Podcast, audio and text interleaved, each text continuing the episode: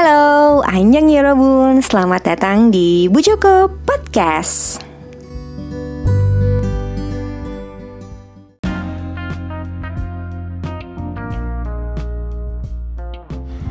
Selamat datang kembali di Bojoko Podcast, Yorobun. Gimana harinya? udah nonton The Guest? Yang udah nonton The Guest boleh DM di komen, eh DM di komen, DM di Instagram bagaimana impressionnya sesuaikah dengan apa yang udah gue review By the way, di episode kali ini gue akan mereview sebuah drama yang lagi enggak sih sebenarnya bukan ongoing tapi gue gue kayak baru nonton gitu di bulan ini padahal ternyata dramanya udah tayang uh, di sekitar bulan Januari sampai Februari gitu. Tapi kalau menurut tonton pun menurut gue ya nggak basi-basi banget juga kalau emang kalian belum nonton ya.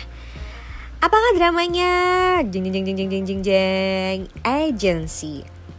Ya, jadi judul dramanya Agency. Um, ini menurut gue pemainnya kayak bagus semua gitu sih. Mm-mm, meskipun ada juga kayak wajah-wajah baru sih. Yuk kita kenalan sama cashnya dulu, cashnya dulu, cash lagi. ya kita kenalan dulu sama cashnya uh, sebelum kita ke plot synopsis, oke? Okay? Jadi uh, agensi ini uh, main case-nya ada Lee Boyong Oni yang berperan sebagai Go Ain, teteh aku ini, teteh favorit aku Lee Boyong ini. Yang berperan sebagai Go Ain, lalu ada Son Na Eun yang berperan sebagai Kang Hanna, lalu ada Cho Song Ha Ajesi yang berperan sebagai Choi Chang Soo, ada Han Jun Woo yang berperan sebagai Park Hyung Woo, ada John Hae Jin yang berperan sebagai Jo Eun Jung. Ini wajah baru menurut gue, bagi gue ya ada Lee Chang Hun yang berperan sebagai Han Byung Soo, ada Lee Gyong Min yang berperan sebagai So Jung Woo, ada Kim Dae Gon yang berperan sebagai Kwon Woo Chul yang adalah orang nyebelinnya di sini bersama dengan Bapak Choi Chang Soo ya. Lalu ada Jung Won Sun, Jung Won Sun yang berperan sebagai Bae Won Hee. Ada juga mana ya? John Kuk Hwan yang berperan sebagai Kang Geunchul ini kakek-kakek yang kalau kita nonton uh, especially gue sih kalau gue nonton ada kakek John Kukuan gue akan selalu kayak deg-degan nih aduh kakek ini mau jadi orang jahat apa orang baik ya? Gitu. Karena di beberapa drama terakhir dia selalu karakternya tuh antagonis gitu kan. Jadi gue lumayan was-was ketika ngeliat kakek ini gitu ya. Uh, kakek John Kukuan berperan sebagai Kang Gencul sama kayak ini ya kayak karakternya Sonaen ya Kang Hana sama-sama Kang, oke? Okay? Lalu ada Song Yong Chang yang berperan sebagai Kang Yong Ho yang adalah bapaknya Kang Hana. Kalau Kang Gencu tadi kakeknya ya. Lalu ada Jo Bokre yang berperan sebagai Kang Hansu kakaknya Kang Hana seperti itu.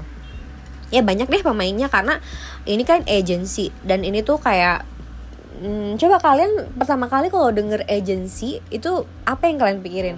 Kalau gue jujur aja gue agak kepikiran awalnya gue misunderstanding ya. Gue gue pikir tuh agency ini akan menceritakan atau ya ceritanya akan sama dengan apa tuh ya uh, shooting star ya kan yang si aduh siapa namanya gue lupa pokoknya gue pikir ini akan sama dengan shooting star yang kemarin kayak agency ini loh agency model agency aktris gitu-gitu kan.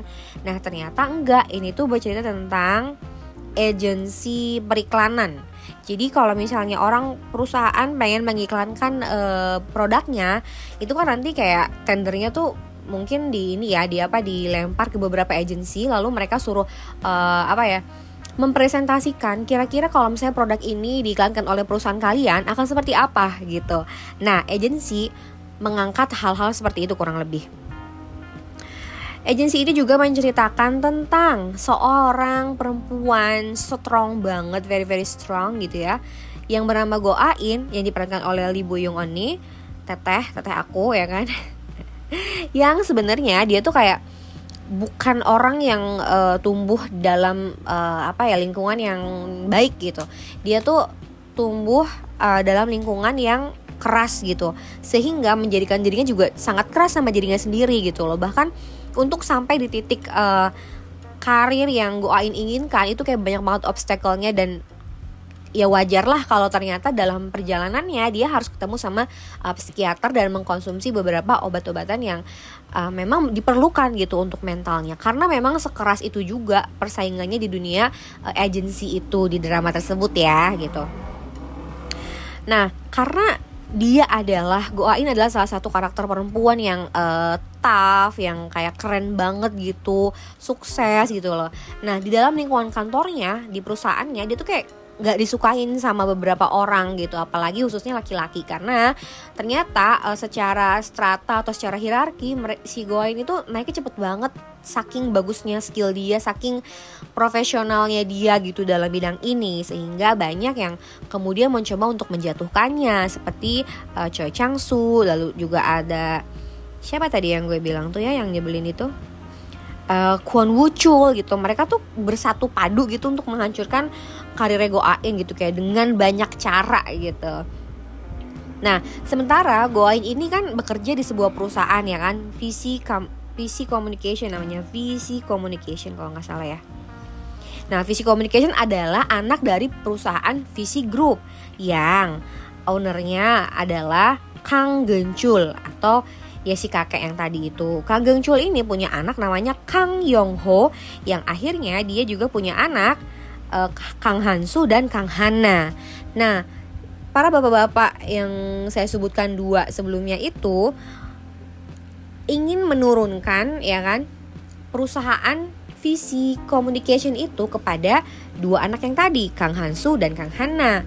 Nah, cuman karena kan uh, apa ya si kakek ini tuh mendidik kedua anak ini dari kecil itu harus selalu bersaing gitu. Karena mungkin si kakek pengen mendapatkan uh, penerusnya tuh cucu cucu penerusnya itu ya emang yang berkualitas uh, tinggi gitu yang qualified untuk um, meneruskan legasinya dia gitu. Cuman caranya ini emang agak nggak disukai sama bapaknya Kang Yong Ho karena dinilai tidak demokratis dan jadi bikin anaknya malah berantem. Kayak siapa sih orang tua yang mau anaknya uh, berantem terus sampai gede gitu kan? Nah um, pada saat kayak dalam konflik keluarga tersebut gitu ya Goa ini berada di dalam di dalamnya. Jadi kayak kecemplung gitu loh. Kayak nih gimana caranya si Kang Hana sama si Kang Hansu ini bisa bersaing dengan lebih kompetitif lagi gitu. Apalagi kan si Goain ini juga emang sangat kompetitif juga. Dia mempertahankan posisinya. Sebenarnya kayak di awal-awal episode gue ngerasa kayak wah gila sih ini banyak banget hal-hal yang nyakitin gitu uh, adalah gitu yang nyakitin yang ternyata tuh uh, cebol di dramanya tuh bener-bener nganggep orang yang nggak punya apa-apa tuh kayak keset gitu kayak lo butuh gue ambil gitu. Kalau gue nggak gue lo dibutuhin lo akan diambil. Kalau lo nggak dibutuhin ya lo akan ditendang semudah itu gitu. Awalnya uh, gue mikir bahwa Kang Hana akan menjadi musuhnya Goain ada dua perspektif sebenarnya. Pertama gue berpikir seperti itu karena di awal-awal tuh diceritain bahwa Goain itu hanya uh, menduduki posisi tersebut itu untuk sementara karena ini adalah suatu jalan untuk membuat Kang Hana atau anaknya Presdir tuh supaya ada di posisi itu karena kalau langsung ditaruh di situ kayak ini anak belum punya pengalaman terus takut sentimen negatif dari publik seperti itu. Kedua uh, perspektif eh perspektif uh, apa ya kayak um, gue memperkirakan ada ada dua ada dua kemungkinan yang gue gue pikirin itu kan. Yang pertama tadi yang kedua gue gue pikir bahwa ini yang uh, Boyong eh Lee Boyong Ain dan Kang Hana ini akan menjadi duet uh, girl power gitu loh. Ngerti gak sih? Kayak dua dua dua cewek strong yang emang karena karakter dua-duanya itu cukup gila gitu. Gila dalam tanda kutip ya gitu.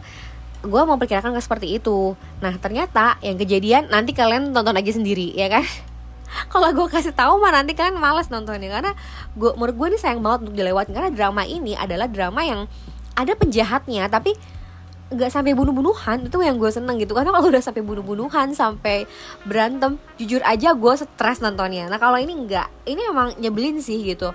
Dari awal episode sampai akhir episode tuh kayak um, tensinya tuh nggak nggak turun naik cenderung stabil menurut gue ya. Nggak ada turunnya gitu. Means berarti ini ya seru-seru aja menurut gue gitu ya kan? Nah um, di sini juga kayak apa ya namanya yang gue sorotin ya kalau sebuah drama itu biasanya uh, semua yang keren-keren ada di uh, apa ya tokoh utamanya gitu. Tapi ternyata enggak. Di sini di agency yang menonjol juga adalah ada sosok karakter uh, Cho Eun Jung Cho Eun Jung ini kayak karyawannya atau staffnya Goain ya. Karena kan uh, akhirnya setelah uh, apa ya beberapa obstacle yang dihadapin sebenarnya konfliknya bermula dari situ sih memanas dan kayak runyam itu karena Goain akhirnya naik menjadi uh, si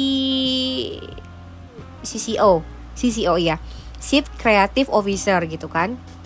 Ya karena emang uh, perusahaan ini di dalam perusahaan ini Goain itu berperan sebagai uh, tim apa ya tim apa ya tim kreatif gitu ya tim kreatif dari uh, kalau misalnya mau bikin iklan nah yang bikin konsepnya tuh timnya Goain gitu. Nah bias biasanya kan di drama-drama yang paling pintar adalah Goain ya gitu jadi kayak seolah-olah karakter utama tuh nggak butuh pendamping-pendamping lain yang lain cuman kayak kita inget sekilas-sekilas doang. Tapi di drama ini ada karakter yang sebenarnya bukan karakter utama. Cho Eun Jung ini kan kayak pemeran pembantu gitu ya.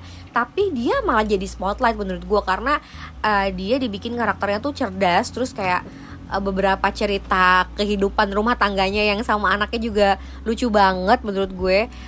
Jadi apa ya mm, variatif sih menurut gue gitu konflik yang disediakan atau yang di uh, ditampilkan dalam agensi ini variatif banget dan itu menghibur banget gitu. Jadi kita, gue pribadi gue jadi selalu ingat gitu sama karakter Cho Eun ini karena emang di sini dikasih uh, apa ya dikasih bagiannya tuh setepat itu menurut gue. Jadi nggak over nggak hanya uh, fokus ke dia nggak tapi juga semua orang dapat bagian dan tapi kita tetap ingat ada nih karakter namanya Cho Eun Jung dan dia terlahir uh, tercipta lagi gimana sih?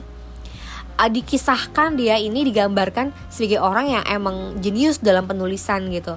Jadi um, ini kan tentang industri periklanan ya. Jadi kan kalau iklan tuh nggak cuma visual aja tapi juga ada uh, kata-katanya juga gitu. Narasi-narasi itu dibuat sama timnya Goain. Termasuk salah satunya adalah Cho Enjung tadi. Seperti itu. Nah yang gue sebelin sebenarnya drama ini tuh kayak ini kering banget sih. Nggak ada percintaan tokoh utamanya banget gitu ya. Sebentar gue cari dulu deh. Eh mana ya? Jadi Oh ini dia.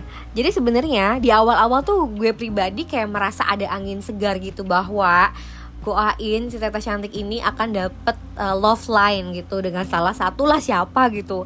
Ada nih muncul namanya uh, Jung Jaehoon. Dia ini di awal-awal adalah uh, salah satu CEO dari uh, sebuah perusahaan game yang iklannya dipegang oleh Goain gitu kan.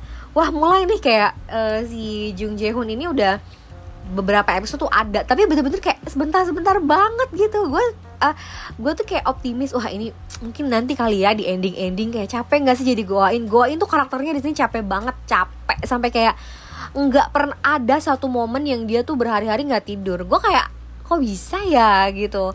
Nah itu kan kayak capek banget. Udahlah dia bersaing mulu di kantor terus kayak kehidupan dia kering banget gak ada cinta-cintanya gitu loh ya memang nggak apa-apa tapi maksud gue kasihan aja gitu loh. Ini karakter gue ini dikasih keras banget. Nah adalah karakter ini kan Jung Jae-hoon. Tapi ya sampai akhir nggak ada gitu loh. Malah love line-nya adalah couple yang lain. Siapakah itu? Nanti kalian lihat aja supaya kalian tahu couple mana yang ada love line-nya. Yang menurut gue juga di sini nggak berlebihan love line-nya. Nggak ada tuh istilahnya lo menonton sama keluarga aja tuh ini aman banget nih drama gitu. Nggak ada bunuh-bunuhan nggak ada uh, apa ya kayak kontak fisik yang gimana berlebihan itu nggak ada gitu. Bahkan kissing aja nggak ada untuk drama dewasa ya gitu loh. Cuman memang perlu pendampingan karena ada the word gitu the word attempt sih sebenarnya bukan yang the word beneran gitu tapi the word attempt. Cuman kan ya triggering ya menurut gue. Jadi kayak ya dipilah-pilih lah gitu nontonnya. Meskipun sebenarnya menurut gue ini relatif aman sih ditonton sama anak sama anak-anak sama keluarga gitu seperti itu. Um, gue termasuk yang tidak mengskip sedikit pun uh, episode tiap episodenya. Karena biasanya kalau misalnya drama-drama kantor gini kan ada yang kayak aduh kok klise banget aduh gimana? Atau ada tonjok-tonjokan atau gimana. Itu biasanya gue skip karena gue nggak kuat. Tapi di drama ini itu nggak ada yang gue skip. Means itu bagus semuanya dan porsinya tuh kayak pas aja gitu nggak ada yang berlebih-lebihan seperti itu. Jadi buat Yorobun yang mau nonton silahkan. Agensi dia udah tamat um, udah 16 episode udah komplit pokoknya karena emang ternyata udah tayang dari bulan Januari sampai Februari kemarin. Segitu aja ya Robun dasi manayo. Anyong